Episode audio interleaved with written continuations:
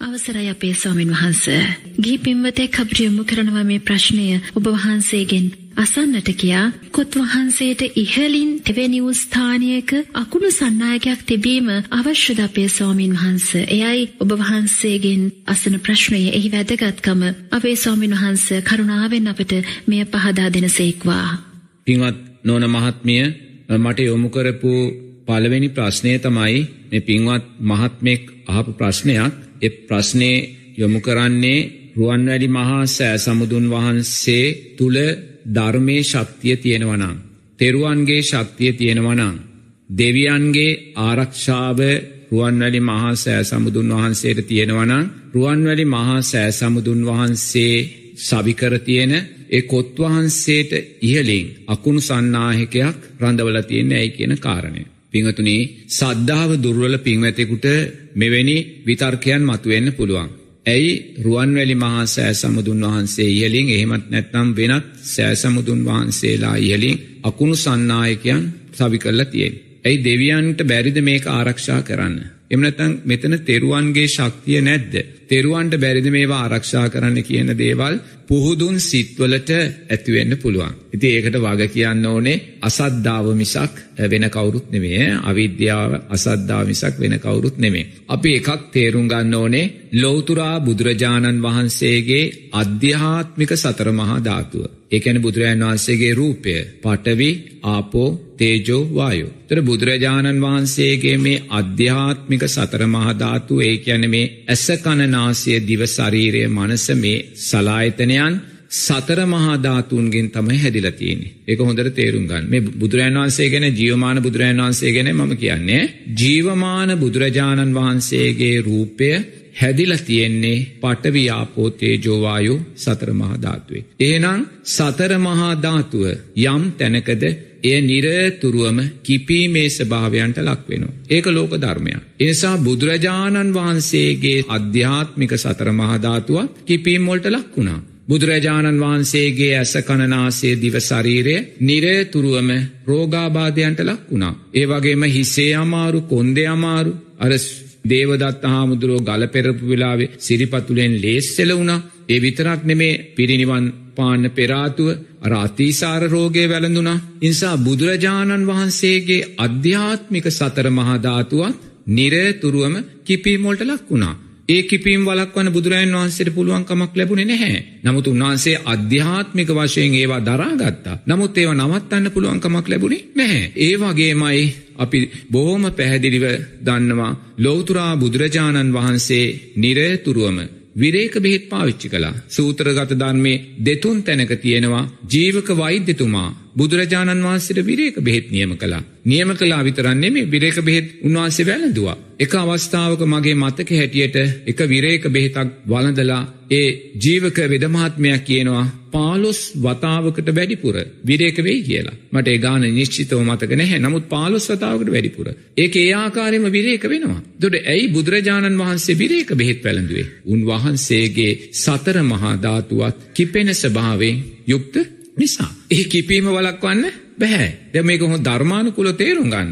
ලෝතුරා බුදුරජාණන් වහන්සේගේ අධ්‍යාත්මික සතර මහාධාතුවත් කිපීමේ ස්භාවයන්ට විවෘත්ත වූ සතර මහාධාතුව. ඒනම් ජීවමාන බුදුරජාණන් වහන්සේගේ අධ්‍යාත්මික සතර මහාධාතුවත් කිපීමට ලක්වෙන වනං පිංහතුනේ බාහිර සතර මහාධාතුව. වද බාහිර සතර මහාධාතුව කියන්නේ. අව්ව වැස්ස පින්න අකුණු ගෙරවිලි මේ සියල්ලම බාහිර සතර මහධාතුව. එතොට චුඩාමානික්කේ කියනමකක්ද. ඒකත් බාහිර සතර මහා ධාතුවක්. එහනම් බුදුරජාණන් වහන්සේගේ අධ්‍යාත්මික සතර මහධාතුවත් කිපීමේ ස්භාවයට ලක් වෙනවන. උන්වහන්සේත් ලෙඩ වෙනවනං අසනීප වෙනවන. උන්වහන්සේටත් අතිසාරය හැදෙනවන. උන්වහන්සේටත් විරේක බෙහෙත් වලදන්න අවශ්‍යනන්. පිංහතුනේ බාහිර සතර මහා ධාතුව කිපෙනවා කියන කාරණය අහන්න දෙයක් නැහැ. එන බාහිර සතර මහාධාතුවේ කිපීම තමයි. මේ අධික අව්ව අධික වැස්ස අධික පින්න මේ ගෙරවිලි මේ අකුණු මේවා තුළින් අපි දකින්න බාහිර සතර මහධාතුවේ කිපීම. එනම් බුදුරජාණන් වහන්සේගේ අධ්‍යාත්මික සතර මහධාතුවේ කිපීම් වලක්වන්න බුදුරජාණන් වහන්සේටත් බෑ එනම් බුදුරජාන් වහන්සේට පුළුවන් අකුණු වලක්වන්න මෙ ධර්මානකුලෝ තේරුගන්න. බුදුරජාණන් වහන්සේ කියන අකුණු වලක්කන කෙනෙක් නෙමේ. බුදුරජාණන් වහන්සේ කියන්නේ ශරීරයේ තියෙන රෝග සුව කරන රෝග නවත්තන කෙනෙක් නෙමේ. බුදුරජාණන් වහන්සේ කියන්නේ ඉපදීම යම් තැනකද එතන දුකයි තියෙන්නේ කියන කාරණය මතු කරන උත්තමයාණන් වහන්සේ. උපත නිරෝධය කලාද එතනයි දුකේ නිරෝධය කියන කාරණය අපිට මතු කොල්ල දෙන භාග්‍යවතුන් වහන්සේ. නිසා බුදුරජාණන් වහන්සේගේ අධ්‍යාත්මික සතර මහධාත්වේ කිපීම් බුදුරජාණන් වහන්සේට නවත්ත ගන්න බැහැ ඒවා හේතු පලධර්මයන් අපි තේරුම් ගන්න ඕනේ කවදාක්වත් කිසිම දෙවියෙකුට කිසිම බ්‍රහ්මයකුට කිසිම බුදුරජාණන් වහන්සේ නමකට බාහිර සතර මහාධාතුව තුළ සිදුවෙන කිපීම් වලක්වන්න බැහැ. ඒවා හේතු පලධර්මයන්.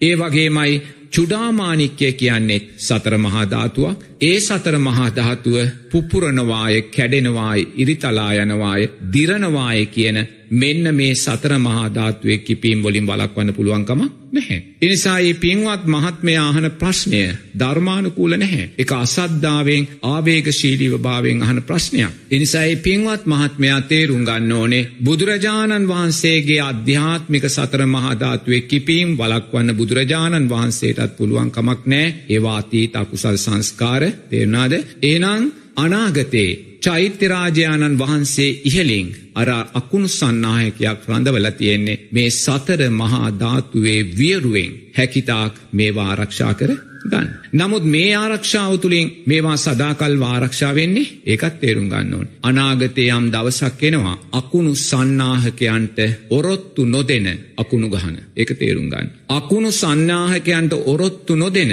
බලවත් අකුණු ගහන අනාගතයක් අනාගතේනවා. අකුණු සන්නාහකයටත් ඔරොත්තු නොදෙන බරපතල ගෙරවිලි දෙදරුම් සහිත අනාගතයක් අනාගතේ එනවා. ඒ තැනට සමාජය පත් කරන්නේ දෙවියෙක් බ්‍රහ්මයෙක් නෙමේ. අපේ මකුසන් සංස්කාර. එක හොඳට තේරුම් ගන්න. මේ මොහොතේ අකුණු සන්නාහකයක් තුළින් හරි පූජනීය චුඩාමානික්‍ය ආරක්ෂා වෙලා තියෙන්නේ ඔබෙත් අපේත් පින කුසලේ නිසා. එක තේරුම් ගන්න. අපි තව තව දුසිල්වත් වනොත් තව තව දේශසාගත වනොත් තව තව අකුසල් අපේ ජීවිතයට එකතු කර ගත්තොත්. අපි තේරුම් ගන්න ඕනේ අකුසලය ඔද්දල් වෙච්ච සමාජක. මේ අපේ අධ්‍යාත්මික සතර මහා ධාතුවේ කිපීම වැඩිවෙනවාසේම අද අපිට පේනවානේ මනුස්්‍යයාගේ අධ්‍යාත්මික සතර මහා ධාතුවේ කිපීම එදාට වඩා සීයට සීයක් අද වැඩි. රෝහලකට ගියොත් ෆාමසියකට ගියොත් මොන සානම් සතර මහධාත්වය කිපීම් වැඩිද. ලෙඩෙක් නොවෙන කෙනෙක් අද සමාජ නැහැ. පාසල් දරුවාත් අසනීපතත් අත දරුවාත් අසනීපතත්වේ තරුණ කෙනාත් අසනීපතත්ව වැඩිහිටියත් වයෝර්ධ කෙනත් අසනීපතත්වේ. මොකොද මේ සතර මහා ධාතුවේ කිපීම් වැඩි. සතර මහා ධාතුවේ කිපීම් වැඩිවෙන්නේ ඇයි. සමාජයේ අපේ අකුසල් සංස්කාරයන්ගේ විපාක වැඩි. එන මේක තේරුම් ගන්න. එතුට මේ විපාක මේ විදිහට වැඩි වෙලා වැඩි වෙලා මේ විපාකයන් අපි තේරුම් ගන්න නැතුව මේ ආදීනවේ අපි තේරුම් ගන්න නැතුව මේ සතර මහා ධාතුව කිපෙන්න කිපෙන්න. අපි තව තවත් අකුසලේ දිසාවට යනවා. දේකන වෙන් සතර මහාධාතුව කිපිල ලෙඩවෙද්දි ලෙඩ හොඳවෙන් ලෙඩ හොඳවෙන් නැත්තං එහෙම නැත්තං අවෂධ වෙනුවෙන් එව මිල වැඩි වෙනකොට රෝහල් ගාස්තු වැඩි වෙනකොට අපි නැවත නැවත ඒවට ගැටිලා කුසල් සංස්කාර රැස් කරගන්න. ඒ නිසා අපි දක්ෂ වෙන්න ඕනේ දවසින් දවස මනුස්්‍යයාගේ අධ්‍යාත්මික සතර මහා ධාතුව කිපීමේ වේගය වැඩි වෙලා තියෙනවා එනිසා තව තව අපි මේවට ගැටෙන්න ගැටෙන්න ඇලෙන්න ඇලෙන්න මේ කිපීමේ වේගය තව තමත් වැඩි වෙනවා එහෙම වැඩි වෙලා අනාගතේ යුගයක් ඒවි. අකුණු සන්නාහයකින් කවදාක්වත් චුඩාමානිකයක් ආරක්ෂා කරන්න බැරි. එක තේරුම් ගන්න ඕන. අකුණු සන්නහයකට ඔරොත්තු නොදෙන බලවත් ගෙරවිලි බලවත් අකුණු අනාගතයේදි බිහි කරන්නේ මනුස්්‍යයාගේම අකුසල් සංස්කාර විසි. එනිසා අකුණු සන්නායකයක් යොදල තියෙන්නේ තෙරුවන්ගේ ශක්තිය දුරුවල නිසා නෙමේ. තෙරුවන්ගේ ශක්තිය බුදුරජාණන් වහන්සේ මේ උතුම් ශ්‍රී සද්ධර්මය ජීවමානෝ තියෙන තාක්කල් මේ උතුම් චතුරාර් සත්‍ය ජීවමානෝ තියෙන තාක්කල් උතුම් උපසම්පදා භික්‍ෂූන් වහන්සේලා ප්‍රාතිමෝක්ෂය ආරක්ෂා කරගෙන ජීවත්වෙන තාක්කල් සද්ධර්මය අර්ථයන් සද්ධර්මය ශක්තිය සද්ධර්මය බලය සක්ධර්මය ලබන්නා වූ පලයන් ජියෝමානුව තිබෙනවා. ඒ පිළිබඳ සැකයක් ඇති කරගන්න එපා.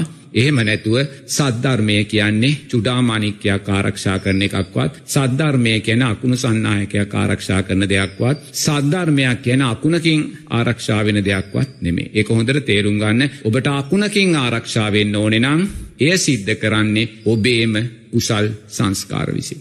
මේ මුළු රටම දක්ෂණං හෙට දවසේ ඉඳං පංචසීලේ ආරක්ෂාවට එන්න. හැබැයි බෞද්ධයා විතරක් නෙමේ සියලුම මුස්ලිම් හින්දු ක්‍රිස්තියානු සියලූම ජනතාව එවගේම පූජක පක්ෂය තමන්ගේ සීලයන් දිවිහිමියෙන් ආරක්ෂා කරගෙන මේ රටේ සමස්ත සියලුම ආගම් ජනතාව පංච සීලය නිවැරදිව ආරක්ෂා කරනවා නං හෙට ඉඳලා මං කියනවා ඔය අකුණු සන්නහක සියල්ලම හෙට ගලවලදාන්න කිය. මම කියනවා විවෘතව කියනවා මේ රටේ සියලුම ජනතාව හෙට ඉදම් පන්සිල් දිවිහිමියෙන් ආරක්ෂා කරනවා නං බයක් නැතුව හෙට ඉඳං ඔය සියලු අකුණු සංඥාහන් ගලවලදාන්න අකුණකින් හානියක් වෙන්නේ නැහැ. ඒනන් තේරුම් ගන්න ඕනේ අකුණු සන්නාක සවි කල්ලා තියෙන්නේ අපේම සංස්කාරයන්ගේ දුර්වල භාවය නිසා එහෙම නැතුව එකට බුදුරජාණන් වහන්සේවත් ධර්මයවත් පලි නැහැ. තරුණ භික්ෂුන් වහන්සේ නමක් තමයි මේ ප්‍රශ්නය අපට යොමු කරන්නේ. මේ ස්වාමීන් වහන්සේ ප්‍රකාශ කරන විදිහට ස්වාමීන් වහන්ස ඉතාමත්ම ශ්‍රද්ධාවෙන් මේ ගමන මේ භාවය නිරුද්ධ කිරීම උදෙසා ස්වාමීන් වහන්සේ ලෞකික ලෝකයේ තුල ඇති සියලු සැප සම්පත් අතහැර පැවිදි භාවයට පත් වෙනවා. වීරය දරනවා. නමුත් මාස ගණනාවක් අවුරුද්දක් පමණ කාලයක් ලං වෙද්දී උන්වහන්සේට දැනෙනවා අපේ ස්වාමින් වහන්සේ තමන්ගේ බලාපොරොත්තු ඉෂ්ට නොවන බව. අපේ ස්වාමින් වහන්සේ මේ තරුණ භික්ෂුන් වහන්සේට නැවතත් සිතෙන්නට පටන් ගන්නවා. සිවුර හැර යන්නට ලෞකික ජීවිතය තුළ නැවතත් ස්ථාපිත වන්නට. අපේ ස්වාමින් වහන්සේ මෙසේ සිටීම යහපත්ද? අපිට ප්‍රශ්න යොමු කරපු මේ තරුණ ස්වාමින් වහන්සේට පමණක් නොව අපේ ස්වාමින් වහන්සේ බොහෝ දෙනෙකුට ඇති ප්‍රශ්නයක් මෙය. ස්වාමින් වහන්සේ අවසරයි අපිට මේ පහදා දෙන්න.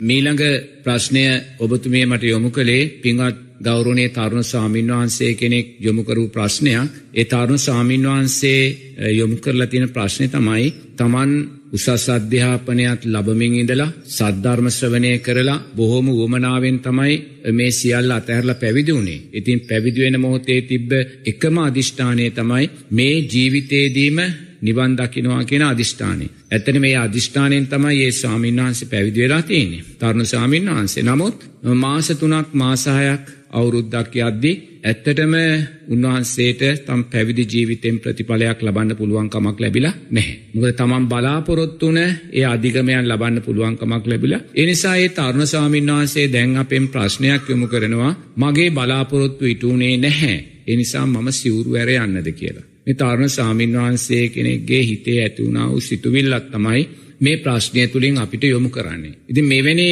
ප්‍රශ්න තියෙන තවත් අප්‍රමාණ සතරණ ස්වාමීන් වහන්සේලා සංඝ සමාජය තුළ ජීවත් වෙන්න පුළුවන්. මොකද අපි පැවිදි වෙලා වඩාත් ඉක්මංකාරීව අධිගමයන් බලාපොරොත්තු වුණොත් අනිවාර්යයෙන්ම අපිට මේ ව්‍යසනයට මුහුණ දෙන්න සිද්ධ වෙනවා.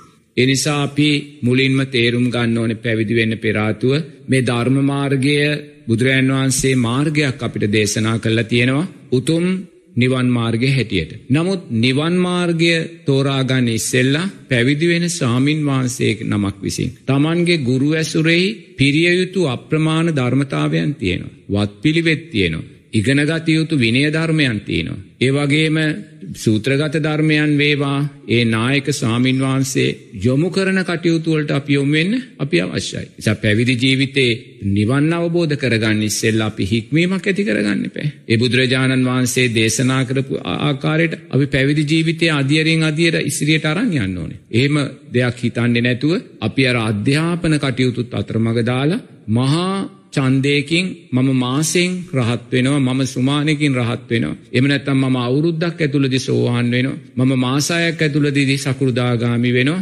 මෙවැනි දේවල් හිතාගෙන පැවිදි භාවයට පත් වුණොත් අපිට කවදාක්වත් මාර්ගයේ නිවැරදිව පුහුණු කරගන්න වෙන්නේ නැහැ. ඒ නිසා හොඳින්ම තේරුම් ගන්න ඕනේ තරුණ ස්වාමින් වහන්සේ කෙනෙක් පැවිදි භාවයට පත් වුණාට පස්සේ මේ පැවිදි ස්වාමින් වහන්සේ Tamanගේ උපාධ්‍යානන් වහන්සේලා ගුරුවාමින් වහන්සේලාගේ අවවාද අනුශාසනා මතයි තමන්ගේ පැවිදි ජීවිතේ ඉස්සරහට අරන් යන්න ඕනේ. එහෙම නැතුව අපේ සිතුවිලි වලට අදාළව අපි හිතපු දේවල්ට අදාළව අපි පැවිදි වෙන්න ඉස්සෙල්ලා ඇති කරගත්තා වූ මාර්ගයට අදාළව නෙමෙයි. ඒක හොඳින් තේරුම් ගන්න. එනිසා අපි නිරේතුරුවම අපේ වැඩහිටි සාමීන් වහන්සේලාගේ අවවාදන් ශාසනවලට ගරු කරමින් ඒ උන්වහන්සේලා අපිට කියල දෙනේ වත් පිළිවෙත් බුද්ධවන්දනාවන් සිද්ධ කරමින් ඒ ආකාරයෙන් විනය ධර්මයන් හදාරමින් එහෙම යායුතු ගමනක් තමයි අපිට යන්න තියෙන. එනිසා කලබලවීම තුළ අපි මේ සියලූම ධර්මතාවයන් දුර්වල කරගන්න පුළුවන්. එනිසා අපි දක්ෂ වෙන්න ඕනේ ඔබට ප්‍රශ්නය විමසන ස්වාමින් වහන්සේ මාසහයද්ද අවුරුද්දත් වෙන්න පුළුවන් සමාට පැවිදි වෙලා නමුත් උන්වහන්සේ බලාපොරොත්තු වන අධිගමයන් ජීවිතයට ලැබුණ ඇති නිසා සිවුරු හැරයාම කියන කාරණය නෙමේ කළයුත්තේ ඒක හොඳින් තේරුම් ගන්න. තමන් තේරුම් ගන්න ඕනේ තමන්ට සිවුරු හැරයන්න දැනීමක් සකස් වෙනවා නං සිවුරු හැරයන දැනීම සකස් වෙන්නේ සිවුර දරා ගැනීමට අදාළ සංස්කාරයන්ගේ දුර්වල භාවය හොඳට තේරුම් ගන්න ඕන. අපි සංසාරයේ පෙරෝපු චීවර එක ගොඩක් ගැහුවොත් ගිජ්ජකූට පර්වතයට වඩා විශාලයි කියල බුදුරජන් වහන්සේ දේශනා කරන. එච්චරටම සංසාරය අපි පැවිදි ජීවිත ලබල තියෙන. බුද්ධෝත් පාද කාලේ සම්මා පැවිද්ධ තියෙනවා අබුද්ධෝත් පාද කාලොල මිච්චා පැවිද්ධ තියෙනවා තියෙන. ඉති එවැනි පැවිදි ජීවිත ලබලා පෙරෝපුස් චීවර ගිජ්ජකූට පර්වතයට වඩා විශාලයි කියලා ඒ ගොඩ බුදුරජන් වන්සේ කියන. එන එච්චරටම සංසාරය අපි පැවිදි වෙලා නමුත්තේ එකම පැවිදි ජීවිතයකුන්වත් අපි ගත යුතු සැබෑ ප්‍රයෝජනය අරගෙන එම ගත්තනං අද අපිට මෙතෙන්ට එන්න ඕනේ නැහැ. එනිසා අපි දක්ෂ වෙන්න ඕනේ යම් තරුණ සාමීන් වහන්සේ නමකට පැවිද්ද තුළ ඉන්න කැමැත්ත සකස් වෙන්න නැත්තං ඊට හේතුව තමයි පැවිද්දට අදාළ සංස්කාරයන්ගේ දුර්වලභාවි. ඔබ කැමැත්තෙන් පැවිදි වෙලා නිවන පිළිබඳ චන්දයෙන් පැවිදි වෙලා. ඔබට බාධා මතුවෙද්දී. නිවන් මාර්ගය ඔබට ප්‍රමාද වෙද්දී. ඔබ සිවුරු හැරයනවා කියන්නේ. ඔබේ නිවන ඔබ තව තවත් ඇත් කරගන්නවා කියන කාරණය. මුදර තේරුම් ගන්න. මොහොද ඔබ පැවිදි ජීවිතයට වටිනාකමක් දෙන්නේ නැහැ. ඔබ සාමනයට ජීවිතයට වටිනාකමක් දෙන්නේ නැහැ. ඔබ උපසම්පදා ජීවිතයට වටිනාකමක් දෙන්නේ නැහැ. ඒ නොවැටිනාකම් දීම නිසාම ඔබට නිවන කියන ආර්ථය තව තවත් තව තවත් ඇතට යනු. ඒ නිසා ඔබ සුන්දර පැවිදි ජීවිතයක් ලැබවා. එක මේ ලෝකයේ මනුස්සෙක් ලබන ශේෂ්ඨ මාර්ථය ඊට වඩා අර්ථයක් නැහැ. ඉන් එහා ඉන් එහා තියෙන අර්ථ තමයි සෝවාන් සකෘදාගාමි අනාගාමි අරිහත් අර්ථයන්. එකන මේ ලෝක ධාතුවේ තියෙන සෝවාන් සකෘදාගාමි අනාගාමි අරිහත් අර්ථයන්ට මෙහා තියෙන අර්ථය තමයි උතුම් පැවිදි උපසම්පදාව කියන්න. නමුත් ඔබේ උතුම් පැවිද්ද ලැබුව උතුම් උපසම්පදාව ලබන්න ඇති සමහර විට. එන ඔබ මේ ලෝකධාතුවේ ශේෂ්ඨ මාර්ථයක් ජීවිතයට එකතු කරගත්තා. එනිසා ඔබ දක්ෂයෙක් ඔබට ඊට පින තියෙනවා ඊට කුසලය ඔබ තුළ තියෙනවා. නිසා ඔබ දක්ෂ වීතුයි ඔබහන්සේ හිතනවනම් තාමත් මගේ අරමුණු ඉටුන් නෑ කියලා ඒකැන අධිගමයන් සාක්ෂාත් වනේ නෑ කියලා ඔබහන්සේ කළ යුත්තෙමොකක්ද. අධිගමයන් සාක්ෂාත් කර ගැනීමට අදාළ සංස්කාරයන් ජීවිතය තුළින් වඩා ගැනීම. එමනතු ගෙදරයාම නෙමේ සිවුරු හැරදාල ගෙදර යන මොහොතේ ඔබ සිවුරු දරන්න පෙරාතුව තිබුණාට වඩා බලවත් අකුසල් ගොඩක් ඔබේ ජීවිතයට රැස්වෙන්න පුළුවන්. ඔබ සංඝයා කියන ආර්ථයට ගරුත්වයක් දුන්නේ නැහැ. ඔබ මේ උතුම් පැවිද්ද කියෙන අර්ථයට ගරුත්වයක් දුන්නේ නැහැ. ඔබ මේ උතුම් චතුරාර් සත්‍ය කෙන අර්ථයට ගරුත්වයක් දුන්නේ නැහැ. ඔබ මේ ආර්යෂ්ඨාංගික මාර්ගය කියෙන අර්ථයට ගරුත්වයක් දුන්නේ නැහැ. ඒ වගේමයි බුදුරජාණන් වහන්සේ දේශනා කරනවා. ඔබට දින හතක් තුළ චතුරාර් සත්‍ය අවබෝධ කරන්න පුළුවන් ඔබ දක්ෂෙක් නම්. ඉනුත් එහාට ගීලා සති හතක් තුළ චතුරාර් සත්‍ය අවබෝධ කරන්න පුළුවන්. ඉනුත් එහාට ගීලා මාස හතක් තුළ චතුරාර් සත්‍ය අවබෝධ කරන්න පුළුවන්. ඉනුත් එහාට ගිහිල්ලා ඔබ නිවැරදිවම මාර්ගය වඩා ගත්තොත් උපරිම අවුරුදු හතක් ඇතුළත චතුරාර් සත්‍ය අවබෝධ කරන්න. එනම් බුදුරජාණන් වහන්සේටත් ඔබ කීකරු වෙලා. බුදුරජාණන් වහන්සේ කියද උපරිම අවුරුදු හතක් තුළ කෙනෙක් චතුරාර් සත්‍ය අවබෝධ කරනවා කියලා. ඔබ පැවිදි වෙලා මාසහයකින් චතුරාර් සත්‍ය අවබෝධ වනේ නෑ කියලා ගෙදර යන්න හදනවා නං ඔබ එතනදි ධර්මරත්නයටත් අගෞරුව කරපු කෙනෙක් බවටයි පත්වේ. ඒ නිසාම ඔබ පැවිදි වෙන්න පෙරාතු ඔබේ ජීවිතය තුළ තිබ්බ අකුසල්ලොල්ට වඩා බලවත් අකුසල් කන්දක් රැස්කරගෙනයි ඔබ උපවෙදි වෙලා ගෙදරගියොත් ගෙදරයන්න. එනිසා ඔබ දක්ෂ වෙන්න. ඔබ මේ ලෝකධාතුවේ දුර්ලභම අර්ථය උතුම් පැවිද්ද ජීවිතයට ලැබවා. සමාරයට ඔබ උතුම් උපසම්පදාවත් ලබන්න ඇති. එය මේ ලෝකේ තවත් දුර්ලභාර්ථයක්. එනිසා ඔබටත් ඔබට තවමත් ඒ උතුම් අධිගමයන් ප්‍රමාදනං කාගෙවත් වරදක් නෙමේ එහි වරද ඔබේම අතීත අකුසල් සංස්කාරයන්ටයි එනිසා ඔබ කළ යුත්තේ විදර්ශනාව කියන කාරණය මොහොතක් පැත්තකින් තියලා කරුණා කරලා ඔබේ වත ශක්තිමත් කරගන්න. ඔබේ සීලේ ශක්තිමත් කරගන්න. ඔබේ සම්මා සංකප්ප ශක්තිමත් කරගන්න. ඔබේ සම්මා වායාමයන් ශක්තිමත් කරගන්න. එහෙම කරන්න. නිසා මේක දාලා ගෙදරයෑමන මේ ප්‍රශ්නයට මුල. චීවරේ දාලා ගෙදර ගියොත් අපි සම්මා සම්බුද්ධ ශාසන තව විශාල් ප්‍රමාණයක් ප්‍රමාදී භාවයට පත්කරගත්ත කෙනෙක් බවට පත්වෙන්න පුළුව. ඒක හොඳින් තේරුගන්න. අපි සම්මා සම්බුද්ධ ශාසනය හැල්ලුවට ගත්ත කෙනෙක් බවට පත්වෙන්න පුළුවන්. සම්මා සම්බුද්ධ ශාසනයට ආත්මගරුත්වය නොදුන් කෙනෙක් බවට පත්වෙන්න පුළුවන්. එනිසා ඔබට ඔබේ පැවිද්ද කෙරෙහි යම් කලකිරීමක් තියෙනවන. දුර්වල භාවයක් තියෙනවන.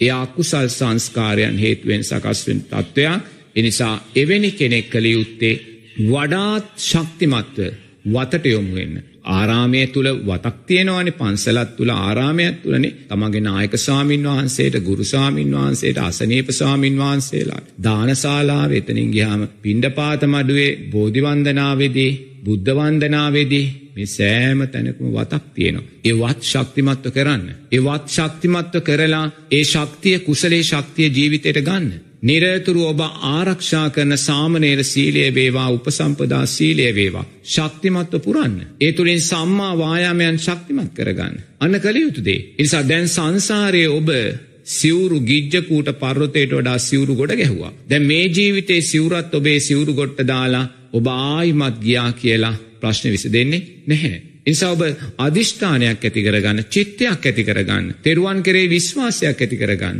මාර්ගය කරේ විශ්වාසයක් ඇති කරගන්න. බුදුරජාන් වහන්සේ කියලා තියෙනවන උපරි මවුරුදු හතක් ඇතුළත මාර්ගය නිවැරදිව පුහුණු කොළොත් චතුරාර් සත්‍ය අවබෝධ කරන්න පුළුවන් කියලා ඒ විශ්වාසයට එන්න. මාසායෙන් සිවරු හැරගීල තේරුමක් නැහැ අවුරුද්දෙන් සිවරු හැරගීල තේරුමක් නැහැ. එනිසා ඔබ ශක්තිමත්ව වත්ත තුළ ශක්තිමත්වවෙන්න.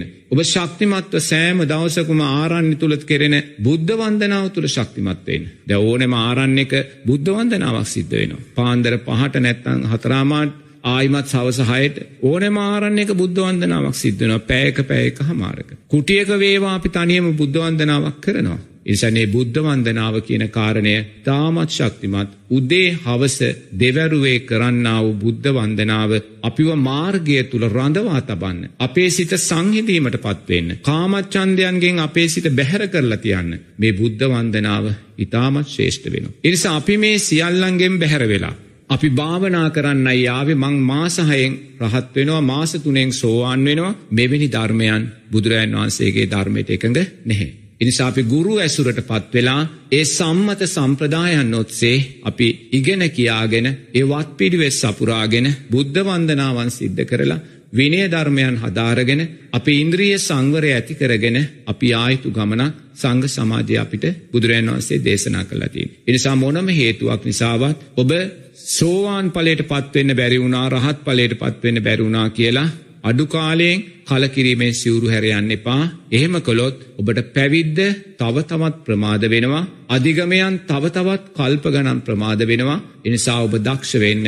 ඔබ ලැබවා වූ මේ උතුම් පැවිදි ජීවිතය මේ ලෝක ධාත්තුවේ ශේෂ්ඨම අර්ථයක් ජීවිතයක්. එනිසා ඒ පැවිදි ජීවිතය ඔය කලකිරීම් බැහැර කරලා වතෙන් ශක්තිමත් කරගන්න. උදේ හවස කරන බුද්ධ වන්දනාවෙන් ශක්තිමත් කරගන්න. ඒ වගේම සම්මා වායාමයන්ගෙන් නිරතුරුව කුසල් පක්ෂය වඩමින් නොකලා වූ කුසල් අලුතෙන් කරමින් ඒකැන තව තව වත් කරමින් තව තව සීඩේ ශක්තිමත් කරමින් තව තව මෛත්‍රිය ශක්තිමත් කරමින් ඔබේ කුසලේ ශක්තිමත් කරගන්න. ඒ කුසල් ශක්තිය වැඩි වෙද්දී ඔබට සම්මා සතියෙන්නේ. කළ යුත්ත නොකළ යුත්ත මොකක්ද කියලා. දැන් ඔබට සම්මා සතියක් නැහැ. ඔබ ඒකයි සිවුරු ඇල්ල ගෙදර යන්න හදන්නේ. ඔබට සම්මා සතියක් තියෙනවා නම් කවදාක්වත් ඔබ සිවුරු ඇල්ල ගෙදර යන්නේ නැහැ. ඒතොර ඇයි ඔබට සම්මා සතිය නැති වුණේ? සම්මා වායාමයක් නැහැ. ඇයි ඔබට සම්මා වායාමයන් නැති වුණේ? සීලයට අදාළ සම්මා වාචා කම්මන්තයන් නැහැ. ඒතොර ඇයි ඒ දෙක නැති වුණේ? සම්මා සංකප්ප සම්මා දිට්ඨි දුර්වලයි. ඇයි ඒ දෙක දුරු සම්මාධිට්ටි දුර්වල වුණේ කල්්‍යාන මිත්‍රාශ්‍රය සද්ධර්මසවනය නුවනින් මෙනේ කිරීම දුර්වලයි. අන්න හොයාගන්න හේතුව. එන ඔබ මුලින්ම කළ යුත්තේ තව තව කල්්‍යාන මිත්‍ර ඇස්රු කරන්න. තව තව සද්ධර්ම ශ්‍රවනය කරන්න. සද්ධර්මය නුවනින් මෙනෙහි කරන්න. සංසාර බය දකින්න. සංසාර ගැඹුර දකින්න. කාමයන්ගේ නිසරුභාවය දකින්න. ගිහි ජීවිතේ පලිබෝධ බව දකින්න. එහෙම දකිද්දී ඔබට නැවත ගිහි ජීවිතයට යන්න හිත සකස් වෙන්නේ නැහැ. ඒගැන සම්මා සතිය දුර්වල. සම්මා සතිය දුර්වල නිසයි ඔබට තාමත් පංච නීවරණ සහිත සිතක් තියෙන. ඒ හිත කාමච්ඡන්දයන්ගෙන් වෙලිලා ආයිමත් හිත දුවන්න කැමති කාමයන්ට. ආයිමත් හිත දුවන්න කැමති අලස බවට, විසුරුණු සිතකට, පංච නීවරණයන්ට.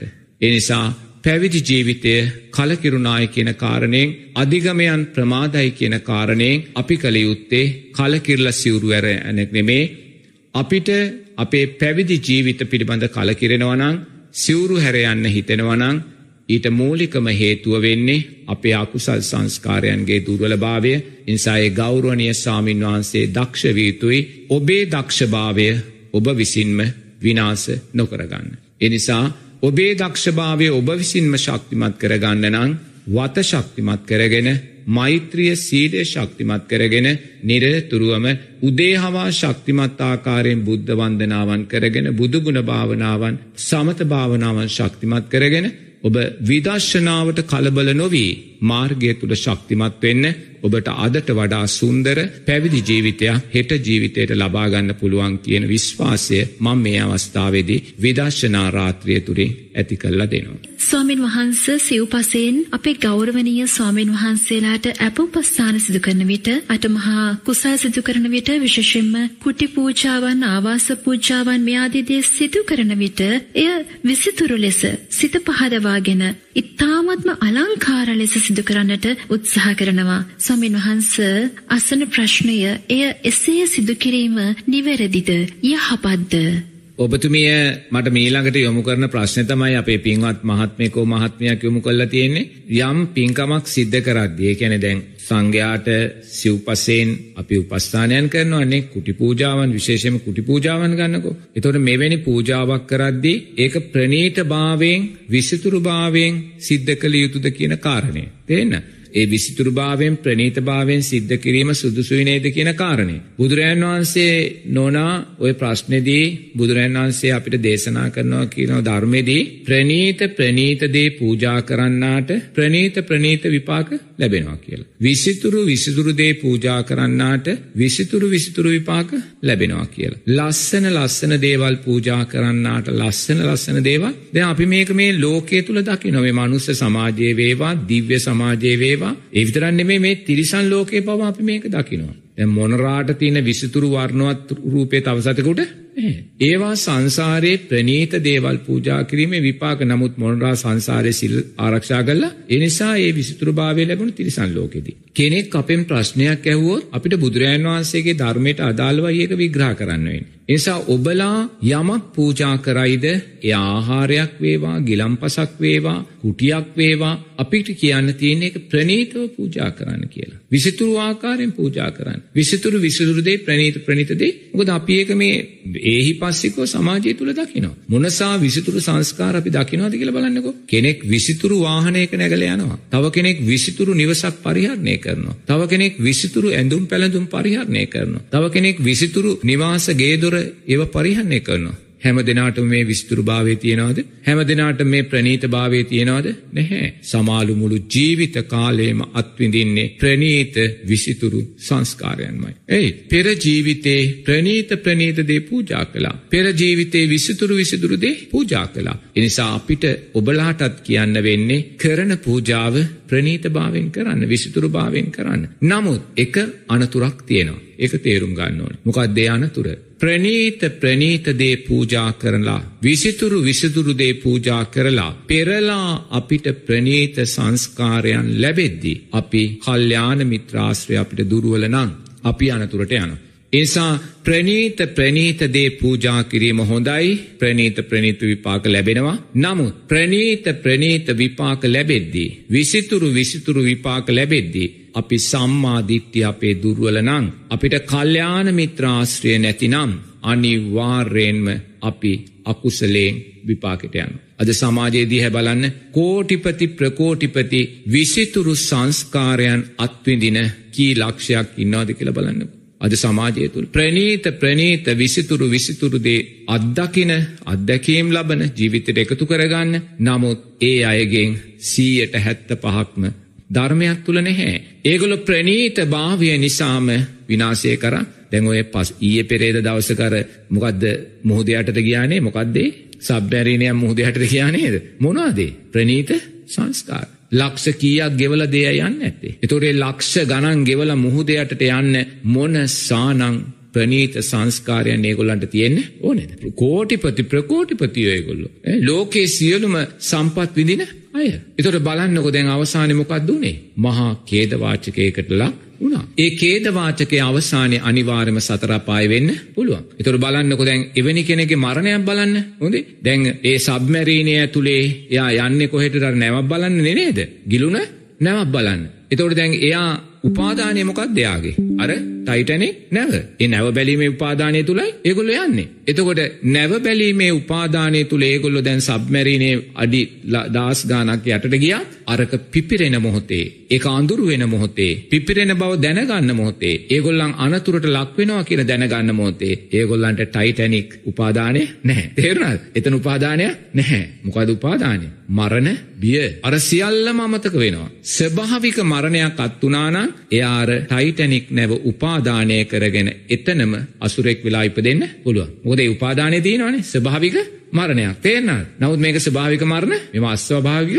මරණ බියටපත් වෙලා එක මුලින් මේ ඔක්සිජන් නැතුව මුලින් නැත්තම් ආලෝකය නැතුව තමන් බියටපත් වෙලා මරණ බියටපත් වෙලා ඒ මරණ බිය තුල යම් කාලයක් ජීවත් වෙලා බලවත් බියකින් මැරිලා ඒ අය අනිවාර්යයෙන්ම പ്രേත භූත තත්වෙන් පල්ලෙහාට වැටුණා වූ දුර්ලභ උපත් වලට යන්න පුළුවන්. කවුද ඒගොල්ලන් එතෙන්ට අරන් ගියේ? පෙර ජීවිතේ ප්‍රනීත සංස්කාර. හරිද?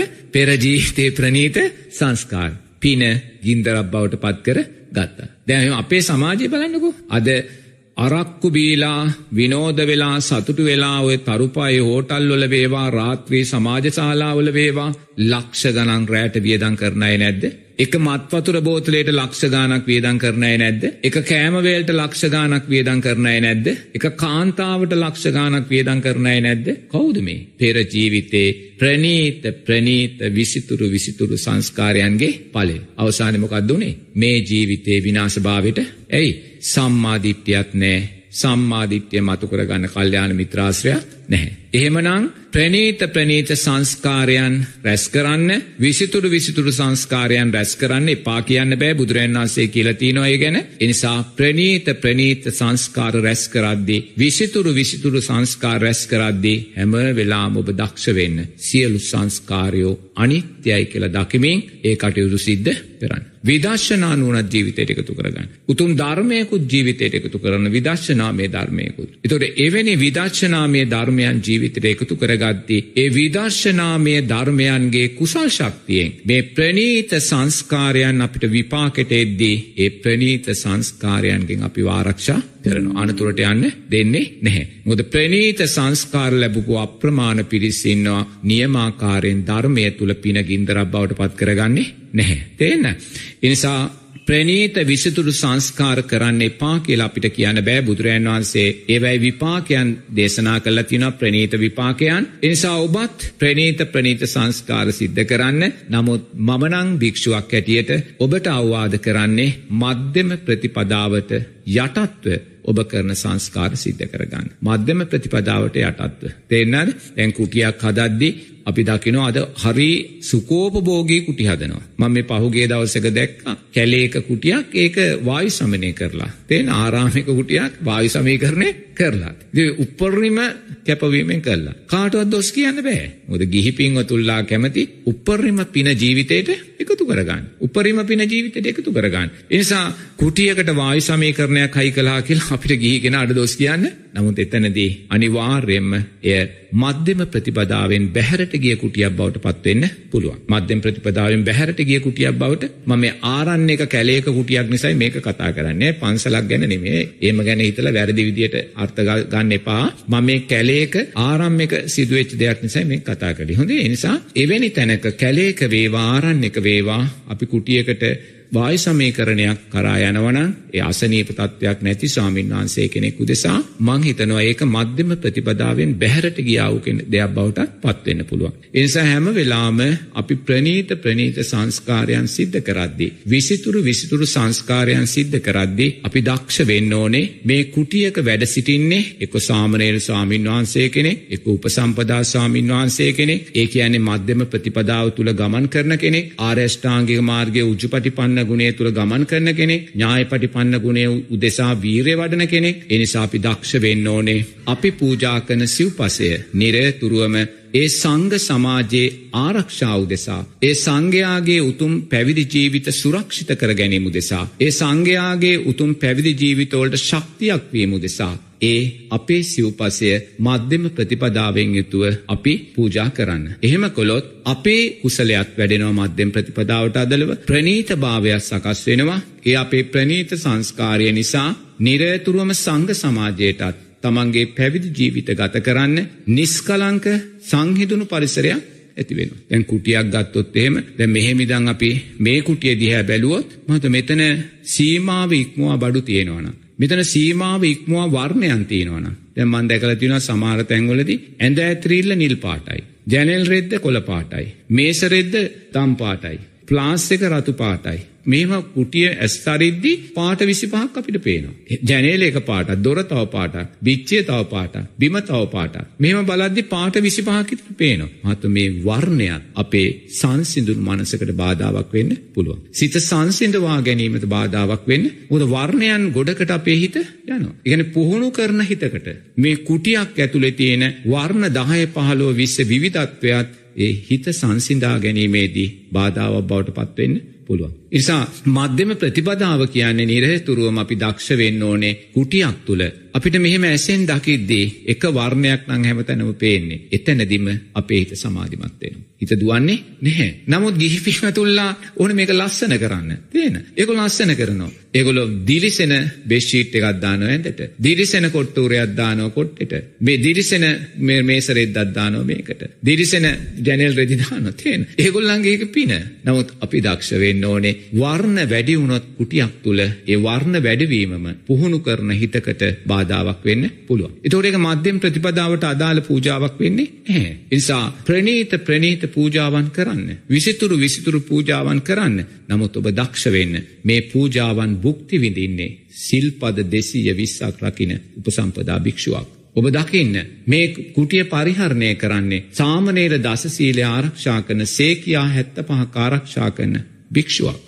එනිසා ඒ භික්ෂුවගේ සිත තැම්පත් වෙන ස්භාවට. සිත නොවිස්සල සුපායතට. සිත කාමයන්ට නොයන ස්භාවට. සිත පරිසරයට වඩා නොයලෙන ස්භාවට. ඒ කුටිය නිර්මාණය කරන්න ගිහි පිංහතුල්ලා දක්ෂ වෙන්න ඕනේ. තමන් කරන පූජාව කුමක් වුණත්. ඉති එහෙම උනොත් තමයි ඔබේ පූජාව සැබෑ සම්මා වායාමයක් බවට පත්වේන්නේ. මධ්‍යම ප්‍රතිපදාව වැඩෙන පූජාවක් බවට පත්වේන්නේ. සංඝයාට නිවන් මාර්ගයට උපකාර වෙන. කොච්චර වටින වචන ඇති කියලා බලන්න. කුටියක් හදද්දී අපි සංඝයාගේ නිවන් මාර්ගය ගැනත් හිතනවා. අනේ මම මේ කුටියට මේවැනි වර්ණ ගැන්නුවොත් මම මේ කුටියට මේ වගේ අදි සුකෝපභෝගී දේවල් ගෙනාවොත් සංඝයාගේ නිවන් මාර්ගයට බාධාවක් වෙන්න පුළුවන්. අන්න ප්‍රඥාව. අන්න පින ඉක්මවා ගියා වූ ප්‍රඥාවක් එතෙන්ට එනවා. හුදු පින කියන තැන නෙමෙයා නැවතුනේ. විසිතුරු විසිතුරු දේ කුටිය ඇතුළට ඇති කරලා ප්‍රනීත ප්‍රනීත දේ කුටිය ඇතුළේ ඇති කරලා පහසු පහසු දේ කුටිය ඇතුළු ඇති කරලා හරි මම ප්‍රනීත සංස්කාරයක් කළා කියලා පිනේ ආස්වාදයෙන් එයා එළියට ගියේ නැහැ. එයා කල්පනා කළා කුටිය හදද්දී මේ කුටියට මම මෙවැනි සුකෝපභෝගී දෙයක් ගෙනාවොත් අනේ ස්වාමින් වහන්සේගේ සීලයට දුර්වල වෙන්න පුළුවන්. ස්වාමින් වහන්සේගේ සමාධියට දුර්වල වෙන්න පුළුවන්. ස්වාමින් වහන්සේගේ ප්‍රඥාව දුර්වල වෙන්න පුළුවන්. ස්වාමින් වහන්සේලාට කාමච්ඡන්දයන් වැඩෙන්න පුළුවන්. එනිසා මම ඒක කරන්න හොඳ අන්න අන්න ප්‍රඥාව. ඒ වගේ නිරේතුරුවම අපි දක්ෂ වෙන්න ඕනේ. පින වගේම විදර්ශනානුවනත් ප්‍රඥාවත් මතු කරගෙන ආර්යෂ්ඨාන්ඩික මාර්ගයේ ශක්තිය මැතු කරගෙන. මධ්‍යම ප්‍රතිපදාවට අදාළ පින්කම් බවට අපි කරන්න වූ පින්කම්. ඉං අදහස් වෙන්නේ නෑ ප්‍රනීත දේවල් ප්‍රනීතව කරන්න එපා කියලා අනිවාර්යම ප්‍රනීතව කරන්න. ලස්සනට කරන්න විසිතුරුව කරන්න. නමුත් මේ විසිතුරුව ප්‍රනීතව කරන කුටිය තුළ මේ පූජා කරන සිව්පසය තුළ ජීවත් වෙන්නේ විනය සිල්පද දෙසිය විස්සක් රකින උපසම්පදා භික්ෂුවක් කියන කාරණය තේරුම් ගන්න ඕන. සේකයා හැත්ත පහක් සාමනයට දසසීලයක් රකින සාමනයට සාමීන් වහන්සේ කෙනෙක් කියන කාරණය තේරුම් ගන්න ඕනේ. මොකද අපි ඒ කුටිය හදන්නේ කාමයන් වැඩෙන තවත් පුද්ගලයකුට නෙමේ. කාමයන් නිරෝධය කරන්න කාමයන් යටපත් කරන්න කාමයන් තුනී කරන්න උත්සාහගන්න උත්තමේ වෙනුවෙන්. එනිසා ඔබතුමිය අහපු ප්‍රශ්නයට මංහිතනවා මේ පිළිතුර සෑහි කියලා එනිසා නැවතත් මං කියනවා ප්‍රනීත ප්‍රනීත දේ පූජා කරන්නාට ප්‍රනීත ප්‍රනීත දේ ලැබෙනවා. විසිතුරු විසිතුරු දේ පූජා කරන්නාට විසිතුරු විස්තුරු දේ ලැබෙනවා. නමුත් පරිස්සං වෙන්න ප්‍රනීත දේ ලැබිලා ප්‍රනීත විපාකයන් ඔබට එද්දී ඔබ දක්ෂ වෙන්න ඕනේ කල්්‍යාන මිත්‍රාශ්‍රය ලබන්න උතුම් සම්මාධිත්‍යාර්ථයන් ජීවිතයට එකතු කරගන්න ඒ ධර්මතාවයන් ඇති වෙන්න නං ඔබ කරන සෑම ප්‍රනීත සංස්කාරයක් ඉදිරියේම මේ සෑම ප්‍රනීත සංස්කාරයක්ම අනිත්‍යයි කියන විදර්ශනානුවනත් ඇති කරගන්න දක්ෂ වෙන්න කියලා මතක් කරනවා. මේ පින්වතා යොමු කරන ප්‍රශ්නය තමයි දරුවෙක් පැවිදිභාවයට පත්කිරීම සුදුසුහිද? නැත්තං එය යහපත් ක්‍රියාවක්ද? අපේ ස්වාමින් වහන්ස ළමයෙක් මහාන කිරීම මේ සමාජය තුළත් අප තුළත් බොහෝ ගැටලු සම්බන්ධයෙන් පැනනගෙන කාරණාවක්. ඉතාමත්ම කරුණාවෙන් අවසරයි අපිට පහදා දෙන්න අපේ ස්වාමින් වහන්සමය.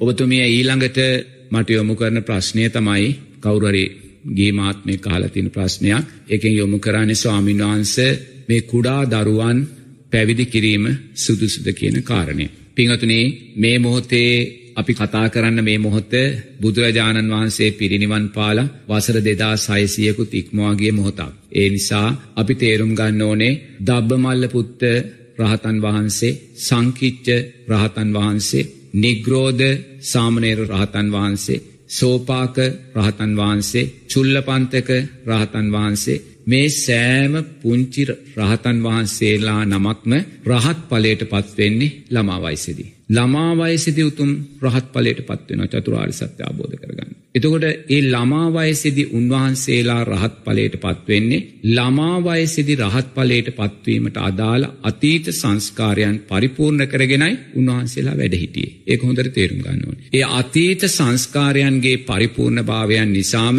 ඒ ගෞරවනීය පොඩි ස්වාමින් වහන්සේලා ළමා වයසේදීම උතුම් චතුරාර් සත්‍ය අවබෝධ කරගන්න. ඒ වගේම ඒ ගෞරුවනිය සාමීන් වහන්සේලා චතුරාර් සත්‍ය අවබෝධ කරගන්නේ ජීවමාන බුදුරජාණන් වහන්සේ වැඩ සිටිද්දී. එනම් අපි තේරුම් ගන්න ඕනේ උන්වහන්සේලා ආවා වූ ගමන පිටිපස්සේ බොහෝම ශක්තිමත් පාරමී ධර්මයන් තියෙනවා. උන්වහන්සේ සංසාරයේ ගෞතම බුදුරජාණන් වහන්සේ ශාසනයේ උන්වහන්සේ ජීවමාන වැඩ සිටියේදීම උතුම් චතුරාර් සත්‍ය අවබෝධ කරනවා කියෙන උපාදානයන් තුලාපු පිරිසක්. ඒ පුං්ඥශක්තිය නිසාම ඒ පුං්ඥශක්තිය නිසාම ඒ පින්වන්ත පැවිදි පොඩිස්වාමින් වහන්සේලාට ගුරු හාමුදුරුව බවට පත්වෙන්නෙත් රහතන් වහන්සේලා බලන් පිනේ ශක්තිය කියන කාරණේ. ඒ පුංචි ස්වාමින් වහන්සේලා පුංචි කාලෙදිම පැවිදි උපසම්පදාව ලැබලා චතුරාර්ය සත්‍ය අවබෝධ කරනවා. ඒ වගේ මේ චතුරාර්ය සත්‍ය අවබෝධ කරන පුංචි ස්වාමින් වහන්සේලාට ගුරු හාමුදුරුව බවට පත් වෙන්නේ උපාධ්‍යානන් වහන්සේලා බවට පත් වෙන්නේ රහතන්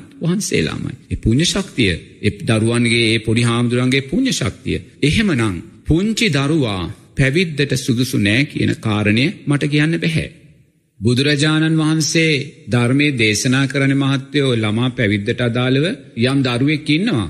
කපුටෙක් එයාගේ හිසට කොටන් එනවා. ඒ දරුවාට පුළුවන්නන් ඒ කපුටව එලවන්න. එයා ඒ පැවිද්දට සුදුසුයි කියල බුදුරජන් වහන්සේ දේශනා කරනවා. එතනදී අපි තේරුම් ගන්න ඕනේ කතාව තුළ අර්ථයන් කීපයක්ම බැසගෙන තියෙනවා. එක ඒ දරුවා තේරුම් ගන්න ඕනේ මේ කපුටෙක් කියන කාරණය. දෙක ඒ දරුවා තේරුම් ගන්න ඕනේ මේ කපුටා එන්නේ මගේ හිසට කොටන්නේ කියන කාරණය. තියන්න. තුන්වෙනුව ඒ දරුවා ඒ කපුටාට පොල්ලකින් ගලකින් ගහන්න නැතුව මෛත්‍රී සිතෙන් එලවන්න දක්ෂයෙක් වෙන්න ඕනි. බලන්න තකොට කොච්චර ගැමුරක් එතන තියෙනවද කියලා නේ? කපුට තමාගේ හිසට කොටන් එන කපුටා එලවන්න පුළුවන්න එයා පැවිදි කරන්න. එහෙම තමයි ධර්මය තියෙන්නේ. නමුත් බුදුරජාණන් වහන්සේ ඊට වඩා දෙයක් එතනින් බලාපොරොත්තු වෙනවා. මේ කපුටෙක් කියලේ දරුව දැනගන්න ඕනේ. මේ කපුටා එන්නේ මගේ හිසට කොටන්න කියන කාරණයක් දැනගන්න ඕනේ. එහෙම දැනගෙන එයා පොල්ලකින් එහෙම නැත්තං ගලකින් එලෝන කෙනෙක් නොවෙන්න වෙන්න ඕනේ. එයා ඒ කපුටා එලවන්න අතින් නැත්තං ශබ්දයකින් එලෝලදාන්න දක්ෂ කෙනෙක් වෙන්න ඕනේ. තුර බලන්නකෝ එවැනි දරුවෙක් අපි හිතනවටඩා කොච්චර ගුණාත්මක දරුවෙක් වියතුද කියලා. එනිසා එතනින් තමයි බුදුරජන් වහන්සේ පුංචි දරුවාගේ පැවිද්දට සුදුසුකම ලබල දෙන්නේ. නමුත් එතනදී බුදුරජාණන් වහන්සේ ධර්මය දේශනා කරන දරුවා අම්ම තාත්ත නැති දරුවෙක් ඒකත් තේරුම් ගන්න ඕනේ. ආනන්ද ස්වාමින් වහන්සේ හැර ඒ දරුවාට වෙන කවුරුත් හිටියේ නැහැ. ආනන්ද ස්වාමීන් වහන්සේ නිතරම දන් දෙන පවුලක් තිබුණා. ඒ පවුලේ අම්මා තාත්තා දෙන්නම් මැරෙනවා. ඉතුරු වෙන්නේ දරුවා. එතකොට දරුවාට කිසිම ඥාතියෙක් නැහැ. දරුවාව බලාගන්න කෙනෙක් නැහැ. දරුවාට බාරකරුවෙක් නැහැ. එතකොට මේ කිසිම බාරකරුවෙක් නැති දරුවා උදෙසායි බුදුරජාන් වහන්සේ මේ ධර්මයේ පනවන්නේ. එතකොට එතනදී බාරකරුවන් ඉන්න දරුවන් උදෙසා අපි මේක එච්චරම ජීවිතයට ගන්න ඕනේ නැහැ. තේරෙනවද? බාරකරුවෙක් නැති දරුවෙක් උදෙසා තමයි බුදුරජාන් වහන්සේ මේ ධර්මය අපිට දේශනා කරන්නේ. ඒ නිසා නිරතුරුවම අතීතයේ පුංචි දරුව පැවිදි කළා. ඒ නිසා ඒ පුංචි දරුව පැවිදි කළා උන්වහන්සේලා රහතන් වහන්සේලා බවටත් පත් වුණා. ඒ පුංචි රහතන් වහන්සේලාට උපාධ්‍යානන් වහන්සේලා වුණේ රහතන් වහන්සේලාමයි. ඒ නිසා පුංචි දරුව පැවිදි කරන්න එපා කියන කාරණේ අපිට කියන්න බෑ. නමුත් වර්තමාන සමාජයේ තත්ත්වය ඊට වඩා වෙනස්. මොකද වර්තමාන වෙලා තියෙන්නේ? පුංචි දරුවන්ගේ පැවිද්ද ඛේදවාචකයක් බවටම පත් වෙලා. එක්ක පුංචි දරුව පුංචි කාලෙම සිවුරු හැරලා යනවා එක්ක පුංචි දරුව බලවත් කායික මානසික පීඩනයන්ට ලක් වෙනවා ලිංගික හිංසනයන්ට ලක් වෙනවා ඒ කියන්නේ කුඩා දරුවාගේ පැවිද්ද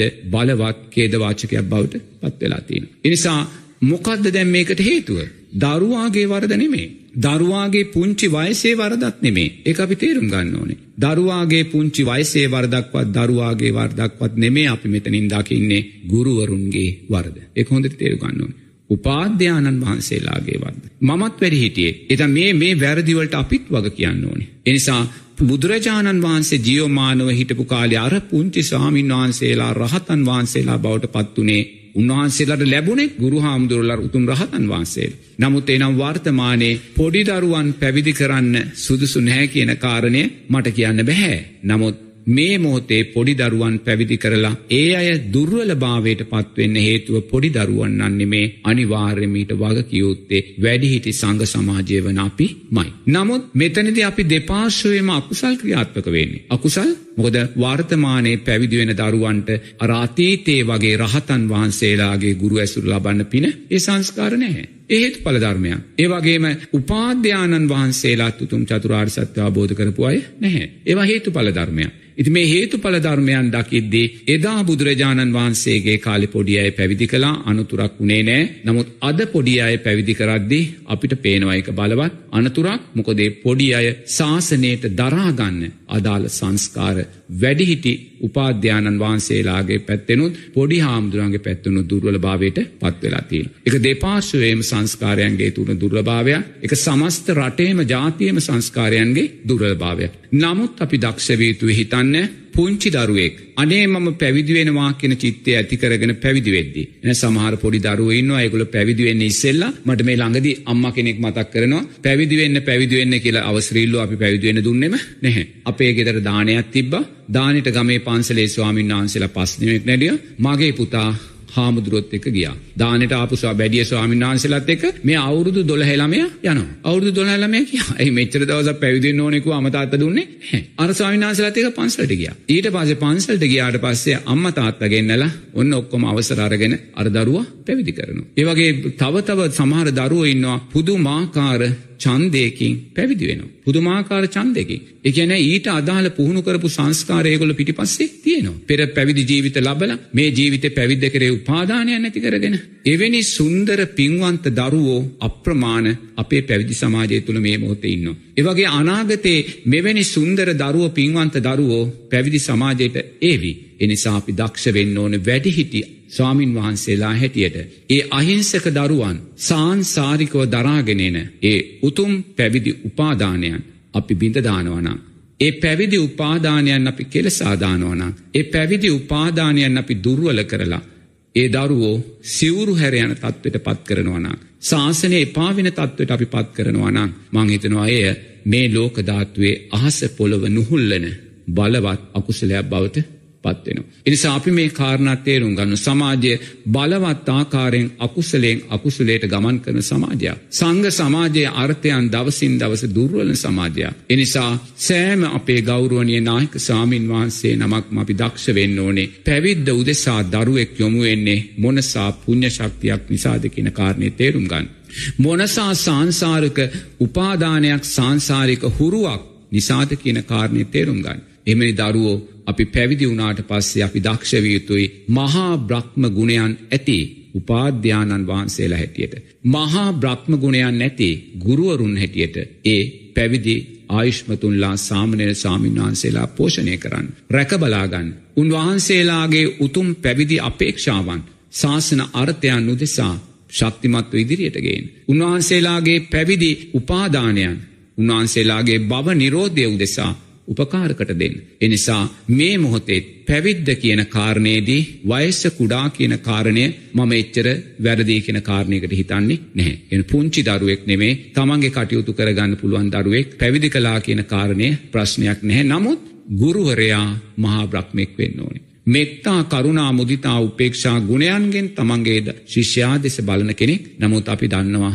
සියලු ධර්මතාවයන් අවිද්‍යාව ගිලගන්න සමාජයක සියලු ධර්මතාවයන් අකුසලේ විසින් ගිනිගන්න සමාජයක අපිට මහා බ්‍රහ්ම ගුණයන් තියෙන ගුරුවරුන්ගේ හිඟයක් තියෙන්න පුළුවන්. එවැනි හිඟයක් තියෙන කාලෙක ළමා පැවිද්දනං අනතුරුදායකයි කියන කාරණය තමයි මට අවසාන වශයෙන් කියන්න තියෙන්නේ මොකදේ දරුවන්ගේ පැත්තේ කුසල් පක්ෂය දුර්වල වගේම සමස්ස සමාජයේම කුසල් පක්ෂය දුර්වල නිසා.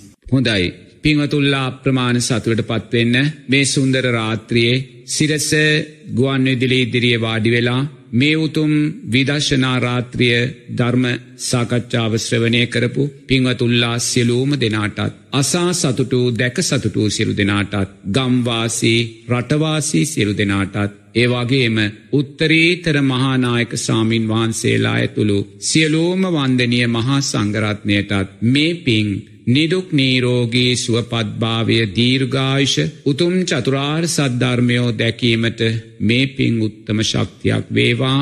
ඒ වගේම කල්්‍යාන මිත්‍රභාවෙන් උපකාරක ධර්මයන් සකස් කොරදුන් පින්වත් සාරධ මහත්මයාටත් ඒ වගේම පින්වත් ශවිනි නෝන මහත්මියටත් ඒ වගේම සිරස ප්‍රධානී සජිත් රත්නායක පින්වත් මහත්මයා ඇතුළු සියලෝම කාර්මණ්ඩලේ පින්වතුල්ලාටත් මේ රැස්කරගත්තා උතුම් ධර්මදානමය පින් නිදුක් නීරෝගී සුවපත්භාවය දීර්ඝායිෂ උතුම් චතුරාර් සද්ධර්මයෝ දැකීමට මේ පින් උත්තම ශක්තියක් වෙන්න කියලා මෙස්සිතිං ආශ්‍රිවාද කරනවා සියලු දෙනාට තෙරුවන් සරණයි. සාධූ සාධූ සාධූ.